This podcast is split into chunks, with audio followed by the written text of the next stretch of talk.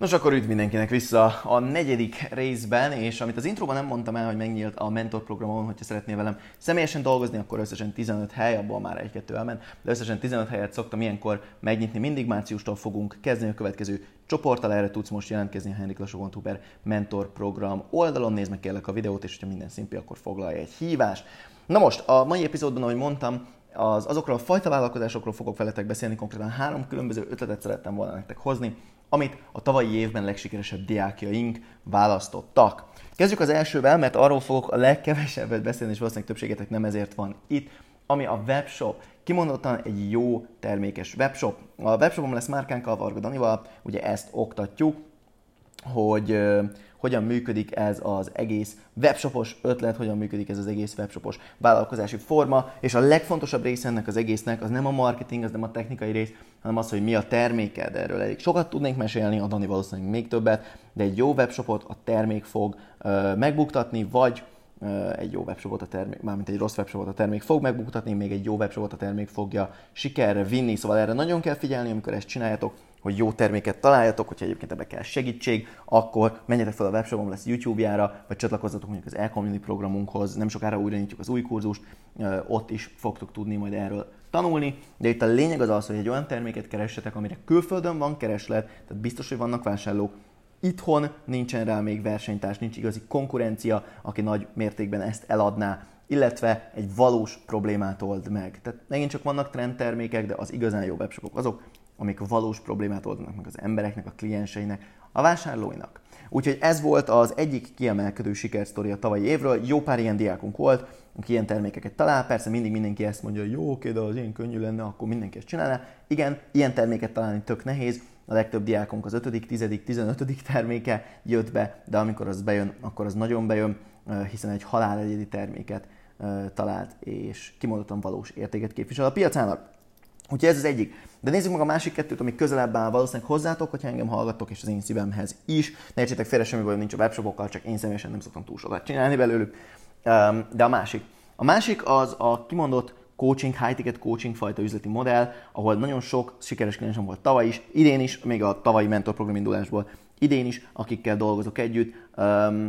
Ennek az üzleti modellnek ugye az a lényege, hogy viszonylag kevés emberrel dolgoztok együtt, egy elég magas prémium árom, és ezért nagyon magas szintű szolgáltatást tudtok nyújtani ezeknek a klienseknek. Ugye ez nekem is a mentor programom egy ilyen program, és itt egyébként ennek a program keretén belül szoktam foglalkozni ezekkel a diákokkal. Kimondottam, hogy most is vagyunk 10 páran a legutóbbi indulásban, és hogy mondtam, 15 lesz majd most márciusban is.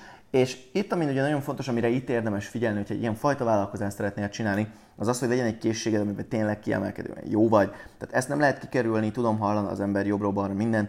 Ha high ticket coachingot, vagy bármilyen fajta coachingot szeretnél csinálni úgy, hogy nem vagy jó abban, amit csinálsz, lehet, tehát nyilvánvalóan, ha van eredményed, van mit felmutatni, csak még mondjuk átadni nem tudod, akkor ö, lehet csinálni, de hogyha tényleg nullára kezded, ha még nem is igazán tudod, csak valaki azt mondta neked az interneten, hogy jó, legyél ugye high ticket coach, hát hogyha nincsen készséged, ami értéket ér másoknak, nagyon-nagyon nehéz dolgod lesz. Ebben az üzleti modellben az előnyei közé azt tartozik, hogy nagyon sok pénzt tudsz előre keresni, hiszen az emberek, ha jól csinálod, előre fogják kifizetni a munkát, a hátrányok közé viszont azt tartozik, hogy nagyon sok ideig dolgozol együtt, nagyon személyesen, tehát az idődből sokat emészt föl. Ezért én ezt akkor szoktam ajánlani, hogyha ezzel megalapozni szeretnél egy márkát.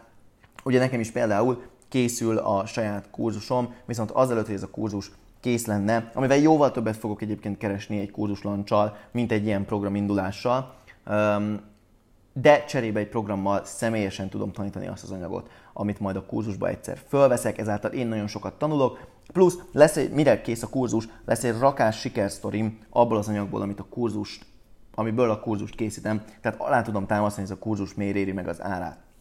Ilyen esetekben, ha valaki most indul, szoktam ajánlani, illetve, hogyha valaki tényleg szeretne személyesebben együtt dolgozni a klienseivel, mert olyan fajta ember, vagy a szaktudása azt igényli meg, akkor erre ez egy kimondottan jó üzleti modell.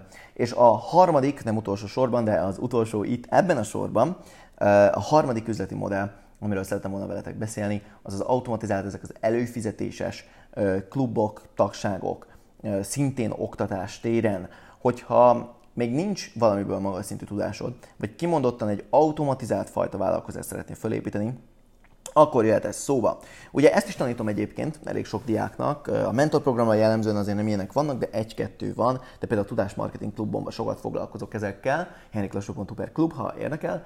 És ennek az üzleti modellnek előnyei és hátránya is vannak, elég sok. Az előnyek közé tartozik, hogy ugye minden hónapban kb. ugyanaz az összeg bejön automatikusan. Egy nagyon jól diversifikált bevételi forrásról van itt szó, hiszen nagyon sok embertől kapsz kevés pénzt, ami ugye nem hangzik annyira jól, csak hogyha van 100-150-200 előfizetőd, akkor nem egy-két ember boldogságán fog múlni a jövő havi kereseted, mint például egy high-ticket coachingnál, ami egy tök nagy előny. A hátránya viszont, hogy ennek az értékesítési folyamata elképesztően bonyolult. Tehát ehhez tényleg jó marketingesnek kell lenned, jó szövegírónak kell lenned, jó szélszesnek kell lenned, jó technikusnak kell lenned a technikai részlet összerakásában, és nem könnyű egy ilyet eladni. Mert amikor valakivel beszélsz a telefonon egy órát, két órát, három órát, hogy konkrétan hogyan tudnál nekik segíteni, és azt mondod a végén, hogy jó, akkor ez 200, 300, 400, 500 ezer forint lesz, hogy a következő fél évben, évben rendbe tegyük ezt a problémát az életedbe, és elérjük azt, amit szeretnél, akkor bár az egy magas összeg, és nem mindenki fog rá igent mondani, de arról elég egyértelműen süt, hogy mi az érték mögötte, mert személyesen dolgoztok együtt fél év, év, ténylegesen megoldjátok a problémát, megismerted, stb. Amikor egy weboldalon keresztül akarsz valakinek eladni egy teljesen um, átlagárazású terméket, akkor nagyon komolyan meg kell győzni őt arról, hogy az az 5000 forint, 6000 forint, 10.000 forint egy hónapban, az miért képvisel sokkal több értéket, mint a pénz, amit ő kiad ezért cserébe. És ez nem egy könnyű folyamat.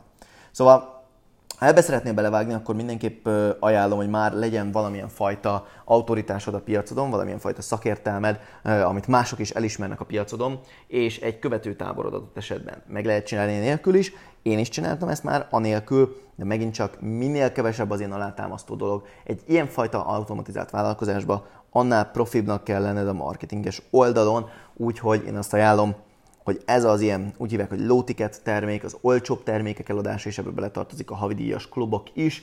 Ezek kiegészítő dolgok legyenek egy egyébként jól működő vagy kurzusod, egy drága kurzusod, vagy egy coaching programod mellé. Utána, miután már abból vannak eredményed, és fel tudsz mutatni diák kliens sikereket. Úgyhogy remélem, hogy segített egy picit eldönteni, hogy melyik irányba induljál el, hogyha még ezen gondolkoztál. Mindegyikből lehet sok pénzt keresni, mindegyikből bele lehet bukni, mindegyiknek megvan az előnye és a hátrány is. Ha szeretnétek ebbe több segítséget, hogy én mit ajánlok neked, írj egy kommentet, vagy írj rám itt Instagramon, és nem sokára remélem beszélünk.